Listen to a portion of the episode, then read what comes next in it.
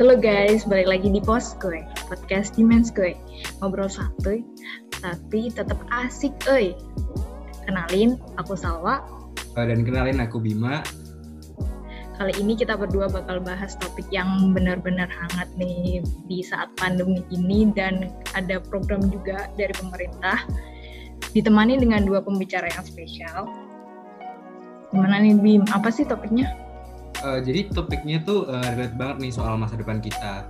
Uh, kalau kalian tahu sekarang tuh di uh, buat kita apply ke perusahaan kita nggak cuma ngandelin IPK doang, tapi mereka juga lihat uh, pengalaman dan skill kita. Nah, sebagai mahasiswa gimana sih kita dapat pengalaman itu? Oke, pengalamannya itu salah satunya adalah ikut kegiatan luar seperti magang atau internship. Nah, saat ini nih banyak nih program-program pemerintah yang ketika online-online ini melakukan kegiatan magang online.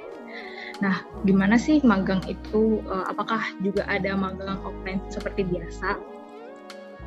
Oh, Oke, okay. buat bahas topik-topik tadi eh, di sini eh, kita udah kedatangan dua narasumber. Mereka ini juga mahasiswa teknik mesin eh, teknik mesin ITS yang bakalan bagi tips sama kita soal pengalaman mereka selama magang.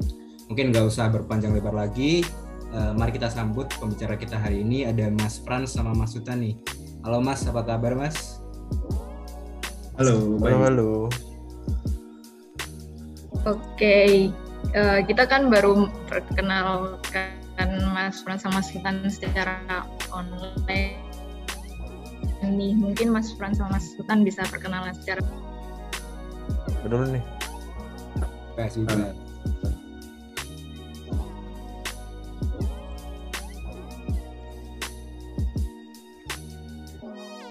Andre, uh, nama aku Sultan, ya aku angkat. Dan sekarang aku magang di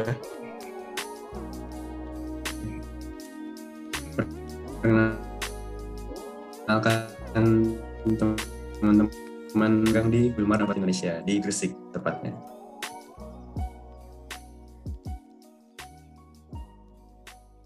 Oke, uh, jadi kita kan lagi bahas topik tentang internship nih Mas. Uh, kalau boleh tahu, uh, Mas-Mas nih kemarin magangnya tuh bagian apa? Uh, diambilnya posisinya apa sih?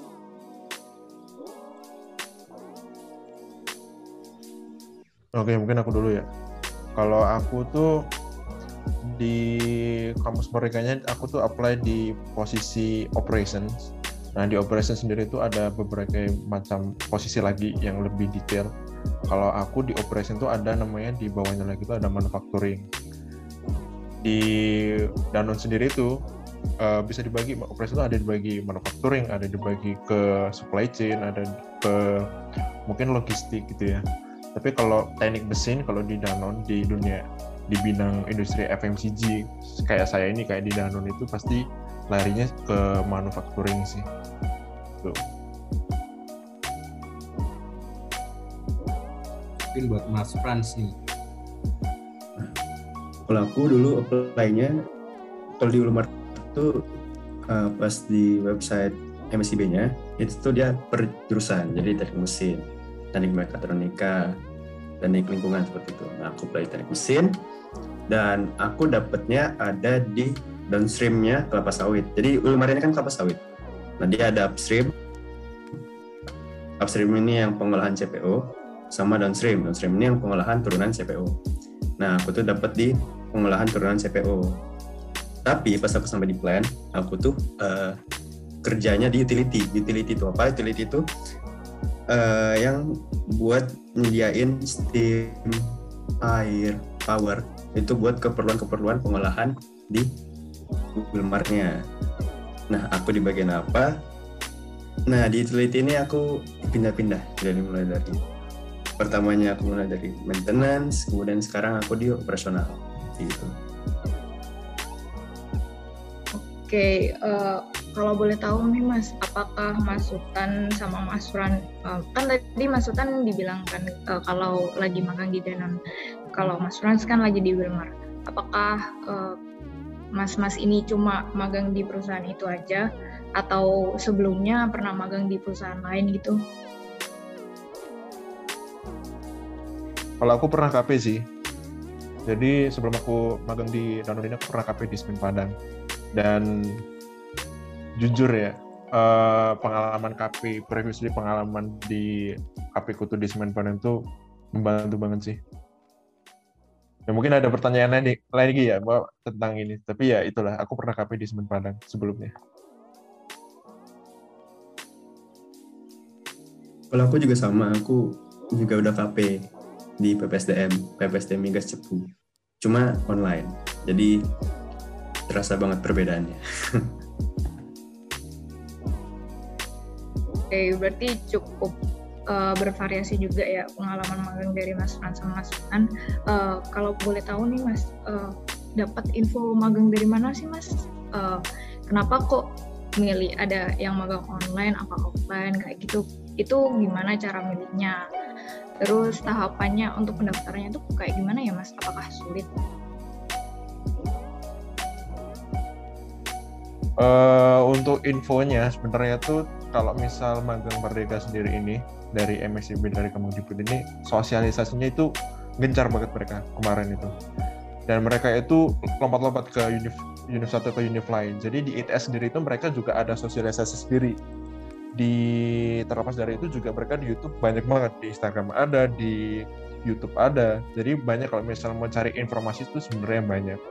Dan aku tuh uh, informasi yang pertama aku dapat tuh dari sosialisasinya di ITS sendiri sih. Karena banyak yang upload juga kan dari uh, akunnya ITS atau akunnya dari departemen juga pernah nge-share. Jadi mereka ngumpulin tuh dari ITS mereka kumpulin dari jadi satu zoom.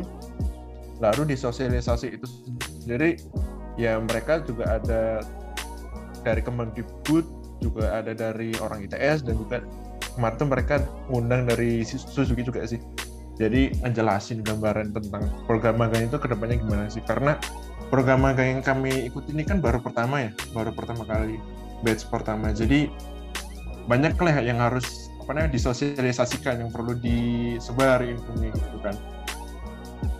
Jadi itu sih. Oh menarik juga untuk masukan melalui magang magang kampus merdekanya. Uh, mungkin Mas Frans bisa menjelaskan tentang uh, magang KP sama magangnya di Wilmar? Perbedaannya gitu ya? Iya sama dulu pendaftarnya gimana sih mas? Tahapannya apa aja kayak gitu? Oh ya. Perbedaan dulu kali ya. Beda banget kalau di KP sama magang yang aku rasain karena jujur kalau betul, betul, betul KP itu online dan magang ini beneran hands on secara offline gitu kan. Dan terasa juga waktunya lama. Terus kalau buat yang pendaftarannya itu tuh pertama ngisi administrasi yang ada di website MSIB-nya Kampus Merdeka. Nah dari situ tapi itu tuh uh, yang kita isi administrasi itu nanti dikelolanya bukan sama orang MSIB-nya tapi sama uh, mitranya sama perusahaan itu sendiri. Dan setelah itu nanti mereka ngubungin kita dari mitranya perusahaan terkait yang kita daftarkan di kita sendiri itu hubungin kita kita udah lolos tahap administrasi kemudian nanti jenjang-jenjang berikutnya mereka yang ngarahin. Kayak misalkan kalau aku di Wilmar itu setelah administrasi ada tes psikotes. Setelah lolos psikotes itu ada wawancara. Setelah wawancara nanti ada pembuatan esai gitu sih ini mungkin aku uh, mau nambahin ya tentang tahapan untuk daftar di mitra perusahaan kampus Merdeka ini magang. Karena mungkin uh, aku interview sedikit ya, aku aku kemarin itu beruntung. Aku keterima di tiga perusahaan yang berbeda kemarin. Ya, keterima di Danone, di Unilever Oil Chemical, sama di PT Birokol. Nah, tiga-tiganya ini, tiga-tiganya ini mereka itu punya seleksi, tahapan seleksi yang sangat berbeda sekali. Beda banget dan aku tuh nggak cuma daftar tiga itu doang. Jadi di website kampus merdekanya itu kalian bisa daftar sebanyak mungkin. Jadi yang menurut kalian eligible itu bisa daftar tuh. Apply apply apply apply apply apply gitu. Nah aku juga daftar banyak dong. Yang sekiranya itu masih cocok lah sama teknik mesin gitu kan. Mitra di di MSCB itu di kampus merdeka tuh ada ratusan. Nah otomatis aku juga dapat ntar kalau misalnya kita udah apply ntar ya sama yang kayak Frans bilang tadi itu kita dipanggil satu-satu gitu sama perusahaan mitra ini kayak panggilan interview gitu panggilan untuk mengikuti tes ini panggilan untuk uh, apalagi gitu kan. Jadi ya kayak berasa simulasi cari kerja lah. Dan uh, kalau misal di perusahaan yang notabene gede ya notabene perusahaan itu bagus pasti tahapan seleksinya mereka itu panjang bertahap-tahap dan pasti kompetitif. Ini aku yang aku rasain di Danon jadi di Danon itu mereka uh, ada tes psikotes, ada tes kayak semacam kita itu harus nyelesain semacam uh, study case, lalu itu wawancara HR, setelah wawancara HR, wawancara user, dan aku tuh di di Unilever tuh harus ada FGD dan juga harus lolos MCU juga, ada interview HR, ada interview panel interview user yang kita itu sendiri lalu di Zoom, Zoom meeting itu kita dikeroyok sama manajer-manajer gitu dan kalau perusahaan multinasional pasti pasti pasti pakai bahasa Inggris. Aku tuh kemarin wawancara di kampus buat kampus Merdeka itu lebih banyak pakai bahasa Inggris daripada mereka yang pakai bahasa Indonesia. Banyak banget yang pakai bahasa Inggris kemarin tuh. Perusahaan multinasional pakai, pakai pasti pakai bahasa Inggris. Dan uh, ini menurutku jadi pengalaman yang penting banget ya buat uh, mahasiswa gitu sebelum terjun ke dunia kerja langsung. Jadi tahulah rasanya ntar kalau misalnya di interview itu kayak gimana. Rasanya dikeroyok sama manajer-manajer banyak itu gimana gitu kan. Itu uh, jadi salah satu poin pengalaman penting buat mahasiswa sih menurutku. Gitu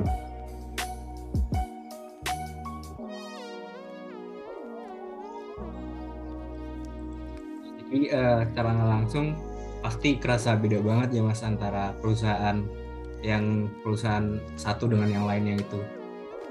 Uh, terus uh, ini sih mas emang seberapa kerasa sih bedanya antara perusahaan yang udah benar-benar uh, ternama sama nggak ternama dalam uh, ya yang bukan nggak ternama sih biasa-biasa aja lah. Buat kita buat lolos di situ kira-kira bedanya seberapa besar sih? Terus uh, seberapa besar kita juga harus berjuang biar dapat uh, perusahaan-perusahaan yang gede gitu mas.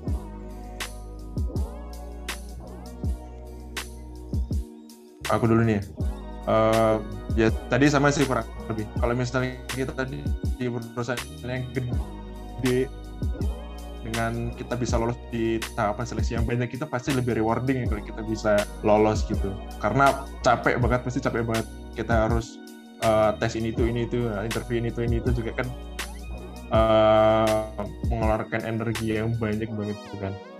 Terus bedanya itu aku tuh yang salah satu aku keterima itu yang di uh, itulah yang bukan perusahaan multinasional pokoknya. Itu cuma satu kali telepon satu kali uh, wawancara gitu. satu kali wawancara udah terus kita dinyatakan lolos.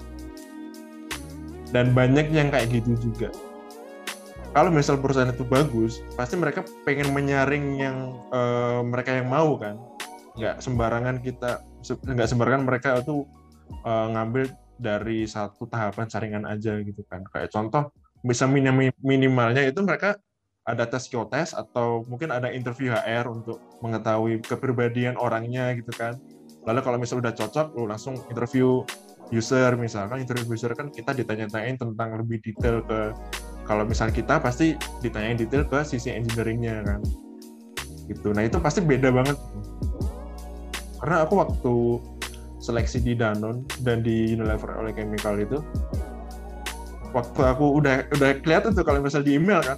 Email tuh oh kamu FGD sama orang ini ini ini, ini gitu kan. Kan kelihatannya di resepnya siapa aja tuh yang rumah FGD ya aku kepo ini ini siapa sih ini ya? Aku searching wah itu pasti uh, orang-orangnya kalau misalnya kita di daftar perusahaan yang biasa sama yang gede kelihatan lah sih ini anak-anak dari DB, UGM, UI gitu-gitu kan.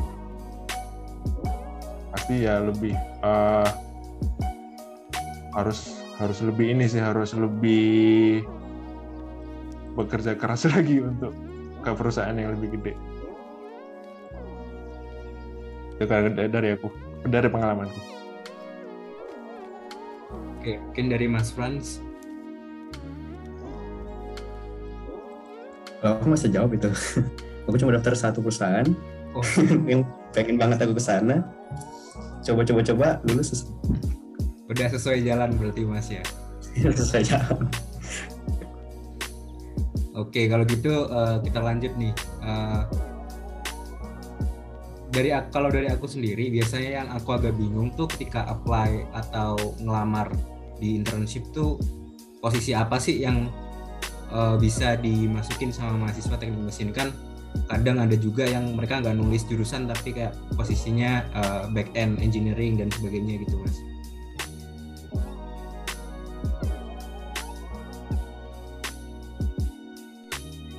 Aku dulu ya. Oh iya, Frans, Frans, monggo. Jadi menurutku, aku pernah dengar MSCB ini kita nggak harus sesuai sama jurusan. Nggak harus kamu teknik mesin, kerjaanmu pas interview ya harus teknik mesin. Enggak. Kamu bisa nanti ke Tokopedia, entah jadi apa. Kamu bisa nanti ikutin mata najwan, jadi wawan, jadi wawancarain dia segala macam. Itu bisa. Itu itu memang tujuannya MSCB ini supaya kamu tuh ngerasain pekerjaan dan kamu dapat view baru, insight baru.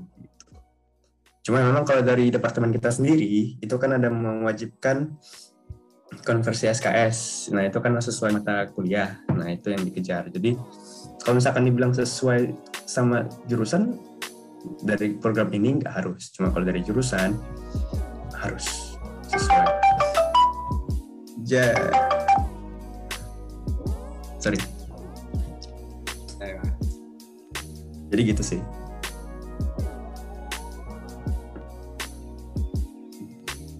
Oke, Monggo, aku nambahin ya. Iya, iya, iya. Eh, bener kata Mas Frans tadi, banyak temanku itu yang eh, mereka itu jurusan teknik tapi eh, posisinya marketing gitu. Dari farmasi ke apa gitu, dari banyak kok yang biasanya yang eh, teman-teman teknik ini banyak yang nggak jelas menjadi talent acquisition, jadi copywriter kayak apa, jadi marketing apa di mana gitu kan.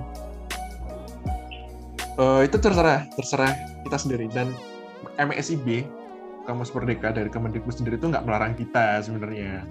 Tapi tapi karena magang kita itu harus ini ya harus enam bulan gitu harus atau, enggak kalau empat bulan gitu kan. Dan mereka itu biasanya perusahaan pengennya ya kita fokus ke magang gitu kan.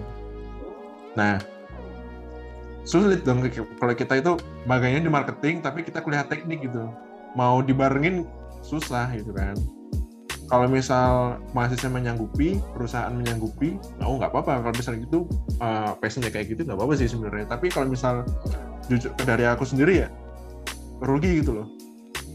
Uh, bakal kesulitan. Atau nggak kalau misalnya emang teman-teman ada yang udah semester 8, misalnya atau semester 7 yang memang kuliahnya emang udah enggak selalu nggak apa-apa sih. Tapi kalau misal kuliahnya masih banyak gitu kan, tanggungan di kampus masih banyak, terus kuliahnya itu harus uh, yang nggak linear gitu memberatkan diri sendiri sih. Karena enaknya di kampus merdeka ini kita bisa magang satu semester full dan nggak perlu worry about kuliah gitu. Itu tuh aku tuh bener aku di situ tuh nggak perlu kuliah lagi gitu. Enak makanya enaknya di situ. Jadi dengan aku bisa magang di sini itu aku bisa fokus setiap harinya ke uh, ke pabrik gitu ke factory ke program magang aku ke project aku gitu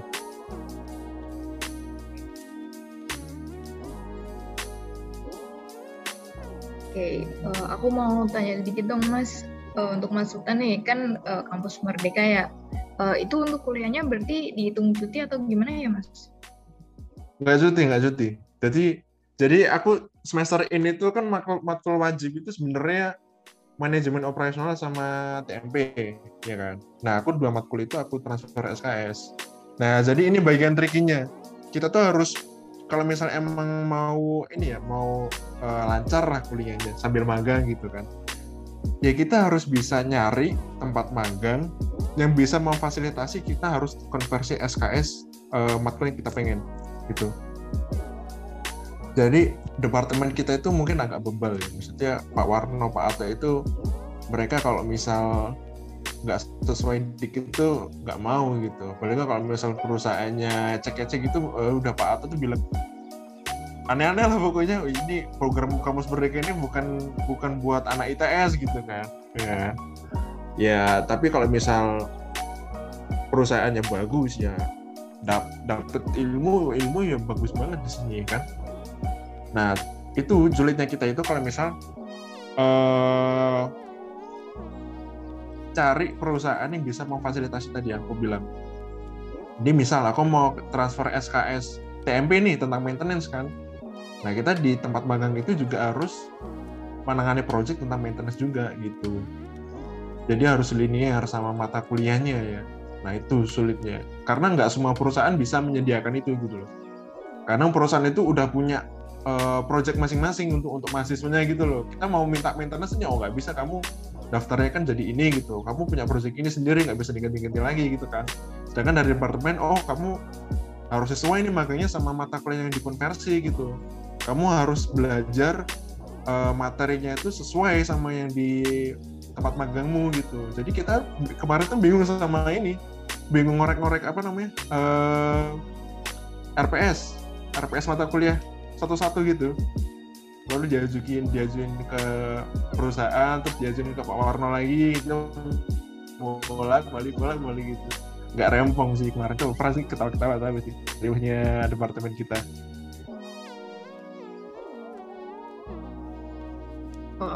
cukup tricky juga ya untuk permasalahan magang ini uh, untuk kesulitannya nih mas atau kendalanya uh, waktu magang mungkin waktu kegiatannya uh, ketika offline atau mungkin kalau magang online ada kegiatan onlinenya gitu apa sih kendalanya mas?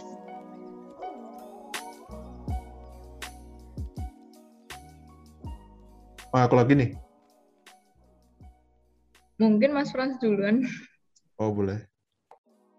Kendala sama magang ini. Gimana Mas? Kalau kendala sama, sama magang ya, uh, banyak sih kendalanya yang awal-awal tuh yang kayak Sultan awal-awalnya sibuk stres sendiri karena sinkronisasi antara jurusan sama perusahaan nah, makanya dari awal tuh kita juga pas baru ketemu sama perusahaan sama pabrik gimana kerja nanti juga dibebani sama uh, kita pengen ngejar mata kuliah Nah, jadi memang ini saranku ya, kalau misalkan buat teman-teman juga mau magang depannya, itu tuh hindari, kalau memang kalian mau mengejar SKS juga, hindari magang yang nanti ada proyekannya. Karena proyekan itu belum tentu sama atau bisa kalian konversikan ke SKS uh, eh, mata kuliah di jurusan kita. Seperti itu. Nah, uh, enaknya aku aku nggak proyekan dari awal nggak nggak ada nggak ada skema ingin proyekan di sini tapi kerja iya seperti itu nah terus kendala lainnya itu uh, untuk koordinasi sama teman-teman di plan. Karena seperti kita tahu sendiri ada beberapa data konfidensial yang harusnya nggak nggak di share ke kita gitu jadi kerja itu mungkin agak sulit. Apalagi kalau kita dikasih handle suatu kerjaan terus itu bersama-sama data seperti itu agak sulit. Jadi ya sebisa mungkin pintar-pintar kita lah mengatur bagaimana cara bekerja. Itu aja sih dari aku.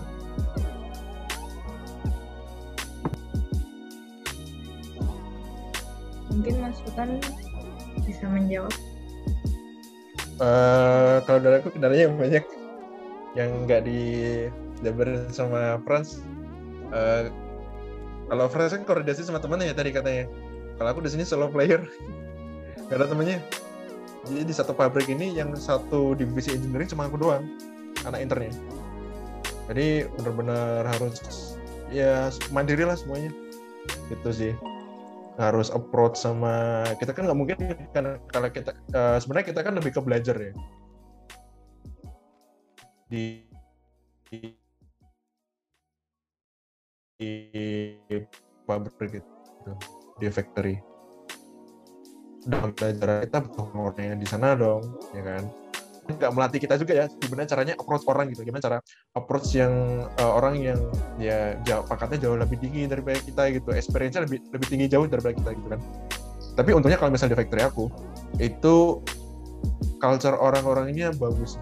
Jadi mereka itu kalau misalnya ngelihat aku tuh mereka nggak nggak memandang rendah gitu bahkan ya, gimana ya nggak tahu memang mereka tahu, tahu aku dari tes seolah-olah aku tuh oh kamu dari tes ya? Pinter-pinter masih pinter apa?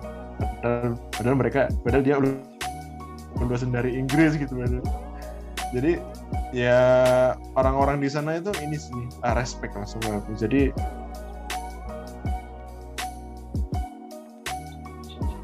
aku ya pasti juga kita mau ganggu mereka gitu ada ada triknya ada tips and triknya gitu kan cara kita bisa ngajak orang diskusi sama kita gitu cara ngomongnya gimana terus cara kita uh, ngontaknya gimana gitu sih.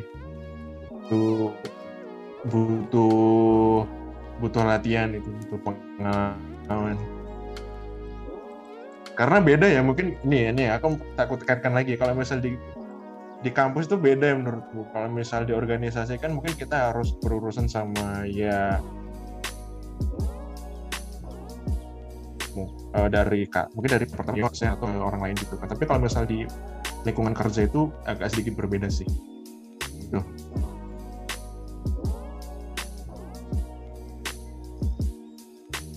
Oke, uh, itu tadi jadi kira-kira kesulitan-kesulitan waktu magang beda-beda ya mas ya. Uh, terus kalau uh, buat ini ini mas kita kan kuliah ada mata kuliah di jurusan mesin nih terus ketika mas-masnya magang kemarin tuh kira-kira uh, mata kuliah apa nih yang udah uh, terasa banget dibutuhin gitu waktu mas-masnya magang?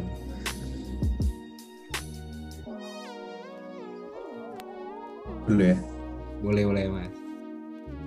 Itu tergantung kita di tempat gimana karena memang ranah teknik mesin sendiri kan luas. Kalau aku personally itu ke perpan termodinamika sama mekanika fluida. Kenapa? Karena aku ada di utility. Itu piping semua. Itu turbin, power plant, boiler, semua di situ.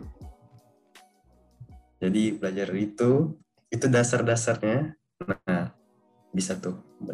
Tapi pas aku pas di maintenance-nya, itu kerasanya di TMP teknik manajemen perawatannya gimana uh, mulai dari kalau TMP itu dia minggu-minggu akhirnya ada kita belajar tentang gimana maintenance rotary equipment, gimana maintenance stationary equipment, gimana maintenance equipment apa segala macam. Nah, situ terasa pas aku di maintenance. Tapi pas operasional itu terasanya di tiga tadi perpan, uh, termodinamika sama mekanika fluida. dari sama sih aku aku juga di utility Franz tapi emang anak-anak mesin tuh ya ujung-ujungnya ke situ sih. Utility gitu kan. Pasti ngurusin pompa turbin kompresor ya kan. Boiler oh, itu ya bener tadi perpan flow. MKE MKE yang belum sebelum frasa ya MKE uh. MKE itu juga kepake banget. Jadi jangan jangan dikira ntar kalau misalnya kita di pabrik tuh uh, yang kita pelajari tentang Renault number gitu atau di transfer itu nggak di ini lagi ya oh itu ditanyain lagi aku di situ di tes gitu kan aku ditanyain tentang uh, jadi aku kan di pabrik susu kan pabrik susu kan ada alat dia untuk memanaskan susu untuk membunuh bakteri di situ tuh dimasukin ke tubular heat exchanger. Jadi dia di situ dipanasin. Nah, dibilang situ oh itu susunya kalau misal dia lewat situ dia nggak boleh laminar harus turbulen gitu kan. Langsung tanya aku di challenge, eh emang turbulen apa Renault numbernya berapa gitu? Terus ditanya itu ini manajer manajer manajer kelihatan aku semua orang-orang di situ tanyain tuh Renault number berapa. Aku pas pas di situ lupa. Aku sebenarnya agak keinget ya tiga ribuan apa ini tiga ribu empat ribu gitu kan cuman karena aku takut salah kan aku bilang lupa oh langsung dihujat aku di situ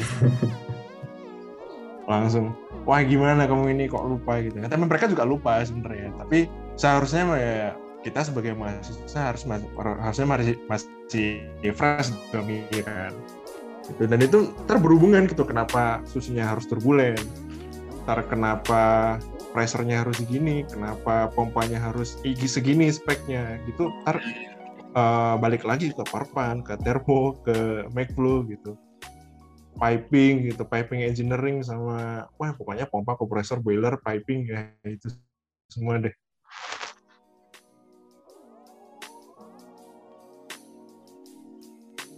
Oke nih Mas, uh, tadi kan Mas Sultan udah beberapa, eh bukan beberapa, oke, okay.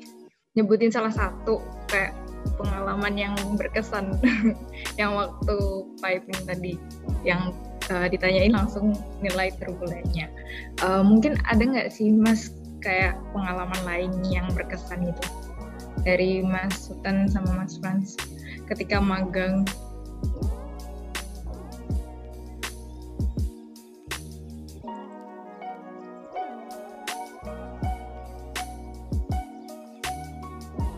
Wah, aku ada. Iya, silakan Mas. Jadi waktu itu hari Senin, bulan lalu nih. Jadi waktu itu hari Senin, uh, hari itu aku nggak tahu aku harus kotor kan. Jadi aku pakai baju kemeja kemeja putih biasa seperti anak magang biasanya, kemeja putih, rompi pab, rompi pabrik gitu. Jalan sampai plan, terus tiba-tiba di plan dibilang join baju putih. Terus ya udah disuruh hands on langsung. Mindah-mindahin impeller, mindahin bearing segala macem. Kena oli itu kotor banget. Itu kaget banget kan. Jadi kayak wah kayak nggak nyangka aja gitu. Aku pakai baju putih tanpa ada persiapan buat kotor. Langsung kotor tuh semuanya di sini ada grease terus di sini oli di sini hitam-hitam tak apa lah hitam-hitam itu parah banget tapi menarik sih enak sih karena ada ketiba-tibanya itu itu itu menyenangkan Oke, okay.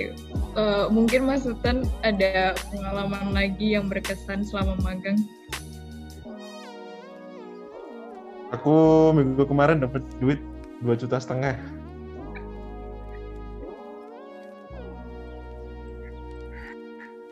Berapa ya? Uh, itu setengah. Jadi uh, itu berkesan sih. Harus kayaknya ini diceritain nggak? Ya? Di mana kan? Uh, ah? Dari mana itu? Oh itu dari Danon, bukan bukan dari yang bukan dari LPDP ya, bukan dari Kemendikbud maksud gue. Oh. Iya, telat-telatan terus nih. Reward Reward, reward, reward. Jadi kita tuh ada semacam training gitu kan. Training itu dibagi kelompok-kelompok-kelompok. Training design thinking gitu. Jadi kita ada project per kelompok itu. Terus uh, kita pitching di di hari terakhir itu kita pitching Nah, yang juara satu dapat 5 juta, juara dua, tiga, empat, lima gitu kan. Ya, aku juara tiga itu. Tapi satu kelompok yang nggak sendiri.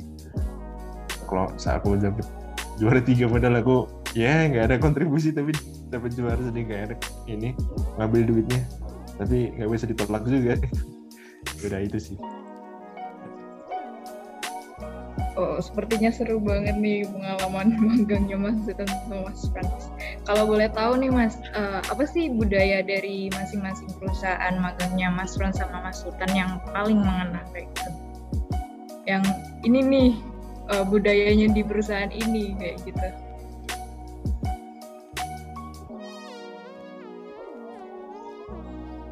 Kalau di Wilmar sendiri, kalau di plan di pabriknya budayanya budaya safety sih.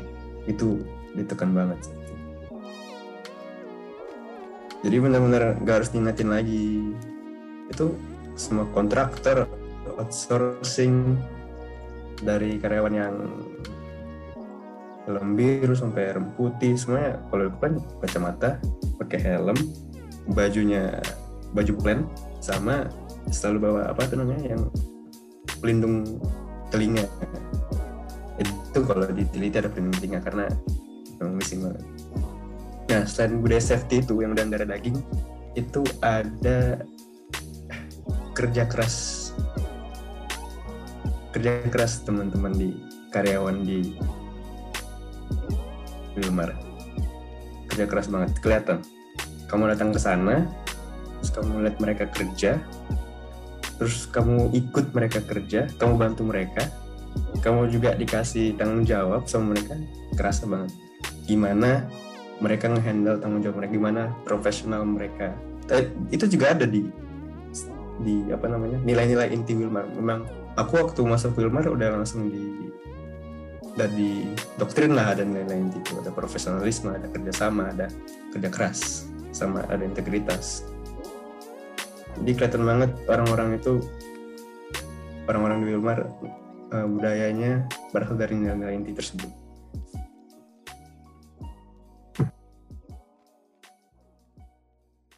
Kalau aku kurang lebih sebenarnya sama sih. Eh, maksudnya yang safety, oh safety itu pasti. Eh, safety kalau tambahan lagi kalau misal di aku karena aku ini mass produce sesuatu yang mau dikonsumsi sama orang banyak ya. Apalagi aku di pabrik susu bayi itu kan. Yang nutrisi, higienis aja sangat dijaga banget. Otomatis ya harus higienis di dalam pabrik gitu. Jadi aku shiftingnya tuh lumayan jauh nih dari pabrik semen yang kalau misal kita di lingkungan pabrik semen itu udah kayak di di di Arab gitu kan kayak eh, apa ya badai badai pasir gitu debu-debu semennya itu di mana-mana. Nah pindah ke ini ke di Sentul. Aku sekarang di Sentul Sentul Factory di Danon di pabrik susu.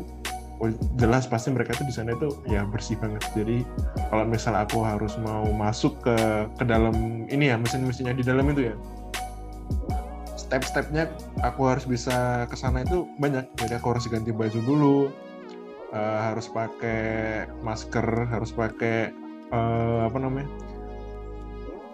Kayak semacam akar biar eh, apa ah, namanya apa ya? Lupa. Bird bird mask gitu loh. Jadi masker khusus janggut kita gitu terus rambut kita terus kita bajunya itu kayak baju apa ya? Baju alien. Baju yang satu ini satu style gitu sampai ke atas gitu. Kalau misal aku mau masuk ke sana ya aku kayak pakai kerudung gitu kayak kayak pocong gitu dan udah masuk ke sana ada yang harus pakai sarung tangan harus pakai boots harus pakai semuanya di sanitasi gitu baru boleh masuk. Itu agak ribet juga kan tapi ya ya itu memang harus dijaga gitu. Dan di situ tuh nggak cuma dari kitanya yang dikontrol dari sisi lingkungannya juga sangat sangat dikontrol. Kayak RH-nya itu nggak boleh terlalu rendah nggak boleh terlalu tinggi juga pressure-nya di situ ya diatur juga agar ya orang-orang di dalam itu nggak boleh berkeringat gitu karena kalau misalnya kita berkeringat kan ya jadi sumber mikro kan di situ jadi semuanya selain safety juga higienitasnya juga diatur quality dari uh, pabriknya juga di sangat-sangat dijaga di situ. Nah kalau misal ini uh, work culture-nya, aku yang dari Semen Padang, ya notabene, notabene BUMN lah. Tahu sendiri lah BUMN kayak kayak gimana work culture-nya kan? Ya yang bu, apalagi ya aku nggak mengeneralisir, cuman ya kalau misalnya BUMN yang tiap tahun rugi misalnya di situ di dalam-dalamnya kan tahu lah orang-orangnya kerja kayak gimana. Lalu aku pindah ke perusahaan multinasional. Korporat asing yang udah gede gitu. Beda banget. Work culture itu beda banget kalau misal di perusahaan swasta ya pasti mereka bagaimana caranya itu karyawannya harus produktif gitu kan. Wah semua jangan di ini jangan ditanya lagi. Kalau misalnya perusahaan swasta pasti mereka ya mau gimana lagi karyawannya harus produktif gitu. Tapi kalau misalnya udah perusahaan yang gede gimana caranya karyawan ini produktif tapi jangan sampai mereka ini merasa kayak dieksploitasi gitu makanya kalau misalnya di kantor-kantor kayak kita ini uh, meskipun kita kerja terus gitu kan kayak pusing proyeknya banyak tapi sisi yang biasanya orang-orang pemerintah nggak nggak uh, perhatiin kayak estetika bangunan gitu. Kalau misal di Danon gitu. Office itu di lounge-nya ada gitu kan. Itu dan dan estetik banget gitu loh. Karena misal kerja di sana tuh kayak enak kan pernah lihat TikTok kalau misal orang kerja di Shopee gitu kan kantornya kayak gimana gitu ya dan juga gitu. Bagus juga bagus banget gitu. Ada kursi pijitnya ada piano dan lain-lain ada biliarnya gitu. Ya tapi workloadnya tentu gede banget sih.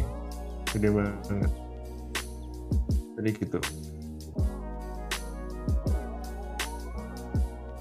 Iya, jadi kelihatannya emang asik banget sih kalau bisa magang di uh, perusahaan apalagi yang multinasional gitu ya mas ya.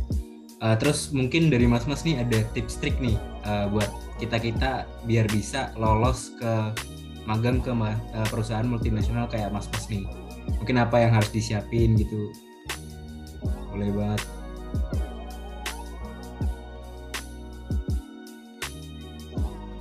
Aku dulu kali ya.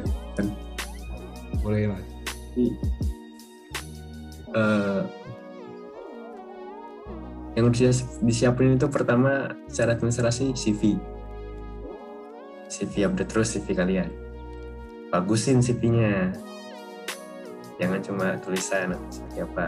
Bagusin. Sekeren mungkin lah. Konsultasi sama teman-teman kalian di Despro atau di cafe bisa itu. Kemudian saya lu Kemudian ini pas interview, pas interview itu sebisa mungkin ada taktiknya kayak eh, kalian bisa lah mereka-reka itu apa yang mereka tanyain kan.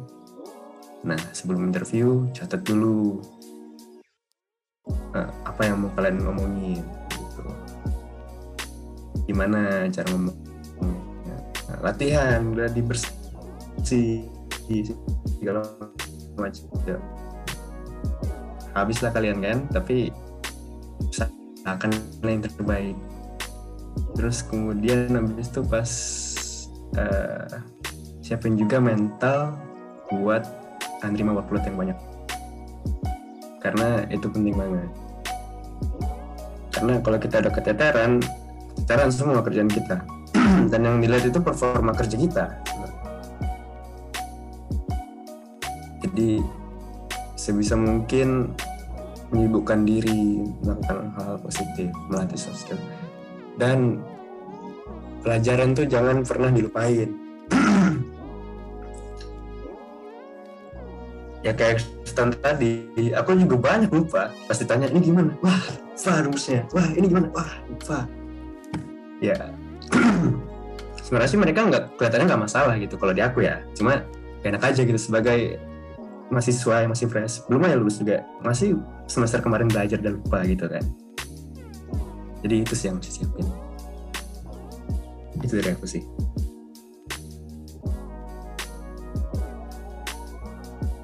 Nah aku nambahin yang belum disebutin Frans mungkin ya.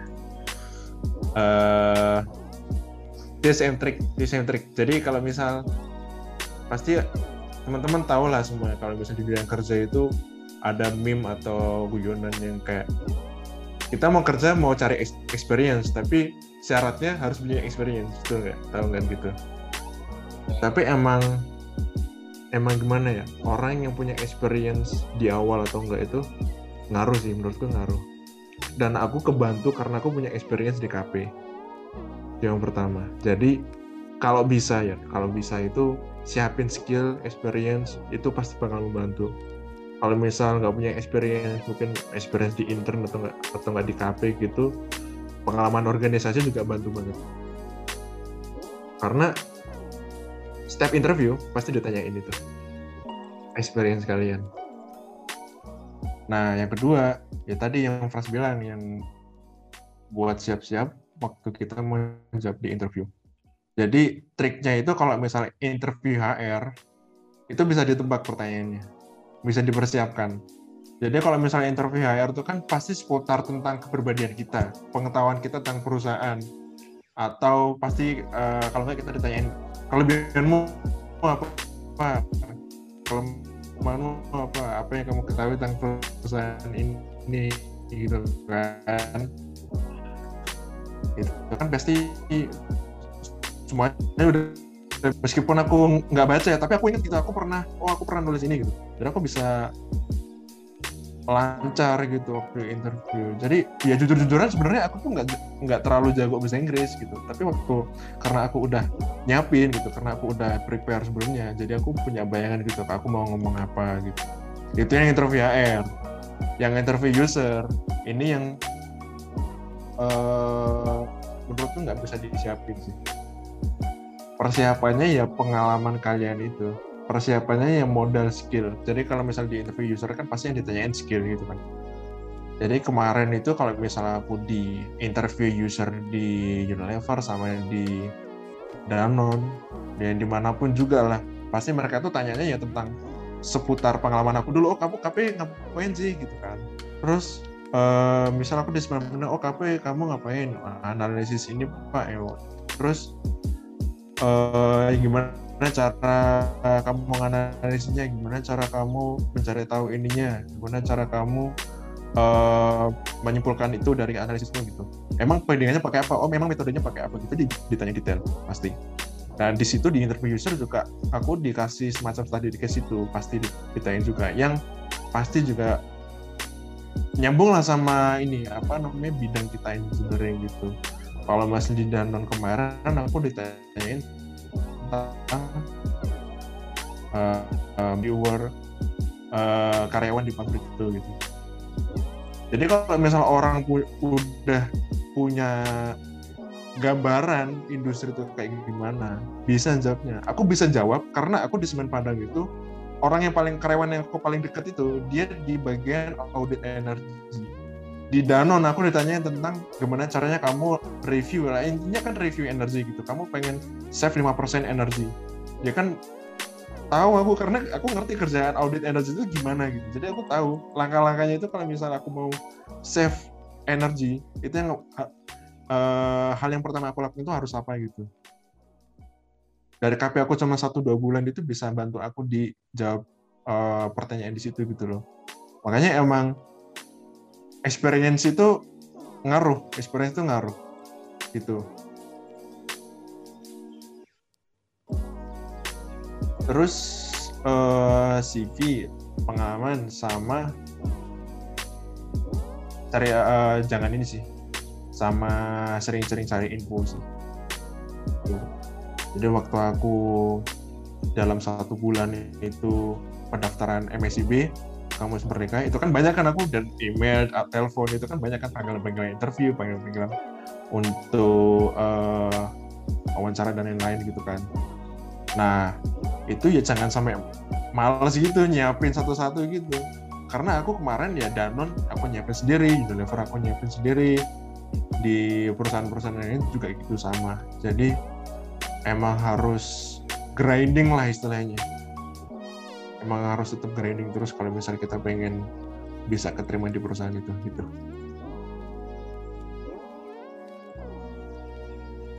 Oke, uh, terima kasih Mas. Uh, yang pertanyaan terakhir itu adalah uh, harapan untuk mahasiswa ke depannya nih, khususnya teknik mesin ITS nih, gimana Mas?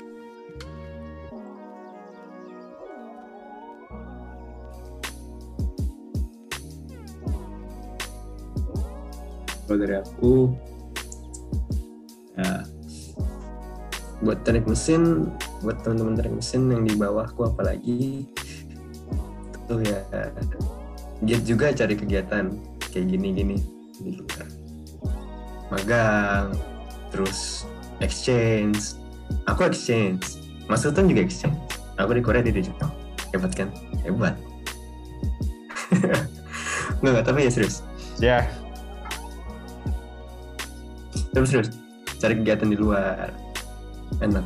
Uh, terus kemudian pas udah punya kesempatan kayak misalkan magang kesempatan buat berorganisasi segala macem itu taruh diri kalian 100% di situ. Semua kayak kalian dikasih tanggung jawab kerjaan atau apa yang pengen kalian improve di organisasi tersebut atau kegiatan tersebut 100% bikin. Itu tuh bukan cuma buat bikin kerjaan kalian bagus cuma itu materi kalian buat nanti ke depannya itu bakal jadi kebiasaan kalian buat selalu memberikan yang terbaik seperti itu. Itu sih dari aku. Sama kalau aku setuju banget sama Mas Frans. Kita dulu aku sama Frans sama Frans itu sama-sama di tim yang sama. Dua tim yang sama bukan satu dua tim dua tim yang Dua tim. sama. Kita sama-sama. Dea Anargia. Terus kita sama-sama exchange ya meskipun ya payah banget aku nggak jadi berangkat online. Wih, Mas Frans ini offline nih keren banget. Terus sekarang kita sama-sama magang. Ya bisa dibilang aku sebenarnya aku sama Frans ini mirip-mirip. Karir eh, perjalanan karir mahasiswa. Iya, karir kita kita sama ya bersadar aku ah itu ini ya kalau dari sudut pandangku ya mungkin balik lagi dikit yang ke tadi. Exchange aku tuh ditanyain di sir kamu exchange belajar apa? Kamu exchange ngapain? Gitu. AP ditanyain aku tim juga ditanyain oh kamu eh, buat mobil listrik nih ngapain sih? Ini kamu buat apa sih? Gitu. Dananya dari mana sih? Gitu. Dan kalau misal ya di organisasi juga ditanyain gitu. Dan bahkan di satu apa nih satu form di salah satu perusahaan itu kalian ngisi. Kalau misal kalian di organisasi di organisasi itu kalian membawa berapa orang sih? Berapa orang yang kamu bawain di organisasi itu? Jadi kalau misal teman-teman ini ikut organisasi ya jangan sampai mutung gitu loh lanjutin terus. Kalau misalnya jadi ketua gitu pasti nilai plusnya banyak kalau misalnya di uh, perusahaan nanti. Karena aku kebantu ya karena ada pengalaman tim pengalaman kalau aku sendiri kebantu tapi nggak semuanya teman-teman di sini kan kayak gitu kan. Kan nggak semuanya bisa masuk tim nggak semuanya juga exchange. Dan aku juga nggak organisasi gitu nggak, bu- bukan anak yang organisasi banget kan. Tapi kalau misal bukan berarti anak organisasi itu ya kalau misal mau kerjaan banyak teman-temanku yang organisasi anak-anak himpunan gitu anak-anak yang ya kebanyakan join ISEC, join organisasi di luar juga gitu. Itu bagus banget gitu kalau misal bisa gitu. Jadi eh, banyak-banyakin kegiatan yang di luar ini lah. Dan manggang ini aku harapannya ya buat teman-teman yang di bawahku banyak yang daftar. Meskipun ya departemen kita ngentengin ya oh ini ngapain? Punya banget Rek. Dan kalian kalau misal bisa magang itu ntar buat kerja punya pengalaman magang itu yang harus bagus juga. Aku pun di sini orang-orang yang magang di sini gitu juga banyak kita yang dulu-dulu itu intern di Danon ya akhirnya jadi karyawan Danon gitu. Jadi MT gitu ya manajemen trainee. Sama Franz juga paling juga gitu. Anak-anak yang di perusahaan lain juga gitu. Kalau misal dia pernah intern di situ mau lanjut di situ pasti lebih gampang gitu loh pengalaman apa kesempatannya pasti lebih terbuka lebar daripada orang-orang yang belum eh, nggak punya pengalaman sama sekali gitu. Ya kalau misal menghadapi departemen ya yang menurut gua agak tricky ini tanya aja sih ke senior-senior kating-kating udah pernah berjibaku sama Pak Warno dan Pak Ato ini. Apalagi Frans ini banyak pengalamannya sama Pak Warno. Nah itu tanya-tanya langsung nah, itu emang ini sih emang perlu gimana ya? Perlu ya kita perlu tahu orangnya. Jadi tahu orangnya itu tanya dulu lah sama cutting senior ini Pak Warno ini harus gimana sih ngadepinnya? Gitu kan. Ya ya moga aja Pak Warno nggak lihat ya ini. Moga aja. Maaf Pak kalau misal Pak Warno lihat maaf Pak tapi ya gitu karena gini Rek Eh, dikit aku ngomong dikit nih gak apa-apa kan masih ada nggak Boleh Pernah banget. dikit. Oke. Pak Ato tuh pernah bilang gini. jadi yang aku tangkap dari dosen-dosen kita itu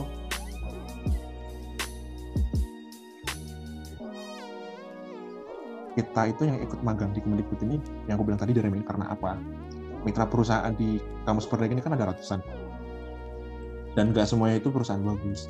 Jujur aja nggak semuanya itu perusahaan yang sesuai sama kompetensi kita. Yang ditakutkan sama Pak Ato dan dosen-dosen lainnya itu kita kalau misal ntar magangnya itu magang di perusahaan yang yang, yang gitu-gitu gitu. Yang mungkin di bawah kita kan.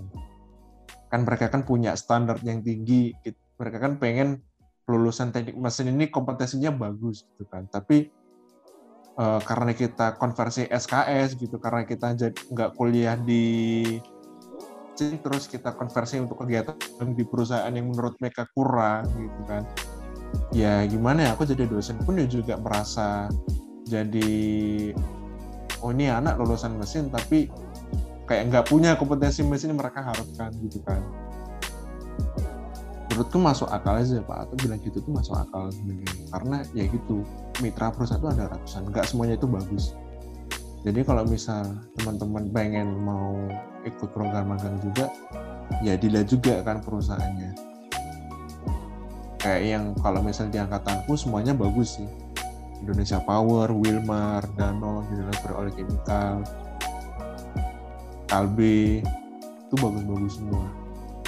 Bagus itu aku bisa aku bisa bilang bagus tuh karena apa? Ya karena aku di sini di divisi engineering orang sebelahku ini lulusan Manchester sebelah lagi lulusan GM sebelahnya UI mentorku UI mentorku yang satunya ITB kalau misal dosen ngerti itu pasti pasti mereka udah oh ya nggak apa-apa lah gitu kan. Karena merasa uh, kita tuh di tangan yang tepat gitu. Tapi bayangin kalau misal kita tuh di perusahaan dikasih ke orang yang ya tau lah ya. Kita kan dosen-dosen kita kan standarnya tinggi gitu kan. Merasa ITS nomor satu gitu kan. Ya jadi ya menurutku juga kurang cocok gitu kurang cocok juga gitu. Kalau misal kita teknik mesin ITS maganya di perusahaan yang kurang kurang jelas.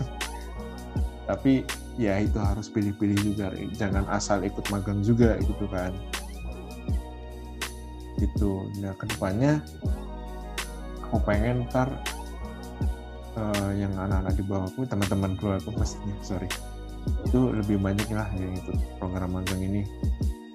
Lebih uh, lebih mendunia lah karena mesin mesin ITS ini kan ya banyak ya kan ya terlalu nyaman sama mesin sendiri. Kadang lupa untuk keluar gitu ya gak apa-apa lah sekali-sekali keluar gitu mendunia gitu ke mana-mana karena di di pabrikku sendiri di Danone sendiri yang dari mesin ITS tuh gak ada yang dari ITS tuh jarang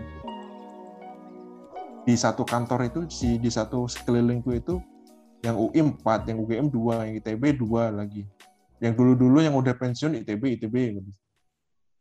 Ya dari mesin memang kurang gitu loh. Gak tahu ke mana ya.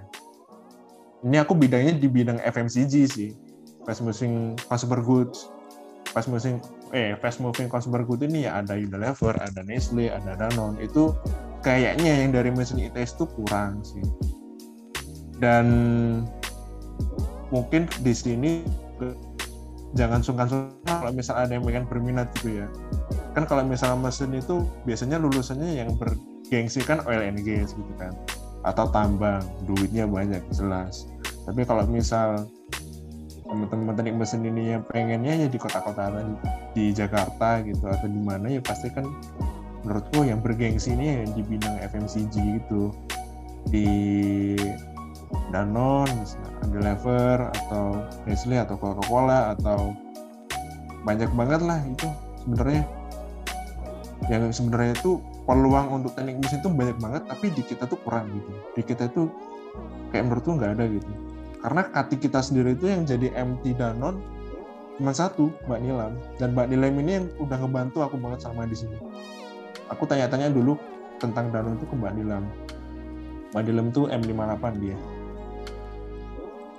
Dan selanjutnya dia yang MT Unilever, Nestle, Danone ini ya nggak ada cuma dia aja gitu. Dan itu menurutku harusnya di bisa diimprove lagi. Kalau biasanya kalau anak-anak internship katanya ya kalau anak-anak internship katanya bisa langsung MT sih manajemen training oh ya kalau misal ada yang belum nggak sama MT manajemen training ini manajemen training itu semacam program akselerasi karir gitu right? jadi jadi MT tiga tahun jadi manajer gitu. Dan kompetitif banget. Ya tentu kompetitif banget. Itu sih. Dari aku.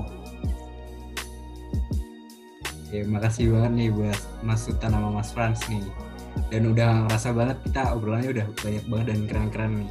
Uh, mungkin terakhir buat uh, teman-teman pendengar kalau pengen tanya-tanya lebih lanjut, uh, mungkin bisa ngontak Mas Sultan sama Mas Frans secara langsung di sosial media mungkin boleh di spill Mas. Siapa tahu tambah-tambah followers atau gimana. Boleh, boleh, boleh. boleh. Kalau Instagramku ketik aja lah Sultan Alam Muhammad Akbar itu udah pasti muncul. Kalau misal mau tanya beneran tanya ya tentang kamus mereka itu aku open banget. Ada kok juga anak-anak yang udah emang berminat, berminat banget mau ikut kampus merdeka itu udah tanya-tanya juga juga ada itu kalau misal yang di bawah-bawah aku pengen nanya-nanya itu aku uh, open banget pasti karena aku juga bisa daftar di sini aku bisa di dalam aku bisa dulu exchange itu karena aku juga tanya-tanya ke senior sih jadi ya nggak apa-apa. Jangan juga kalau misalnya pengen tanya. Oke mungkin dari Mas Frans. Uh, kalau aku bisa aja langsung ketik Instagram juga ya. Instagram Frans NLD aja. Tadi itu tipsnya terus satu, satu lagi tuh yang nanya-nanya senior. Oh, itu iya. penting banget juga. Ya itu garis bawahi siap siap mas.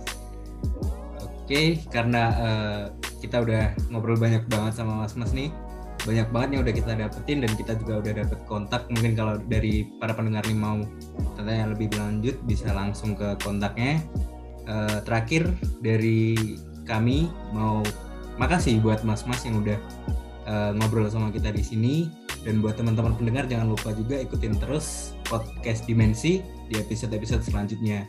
Sampai jumpa.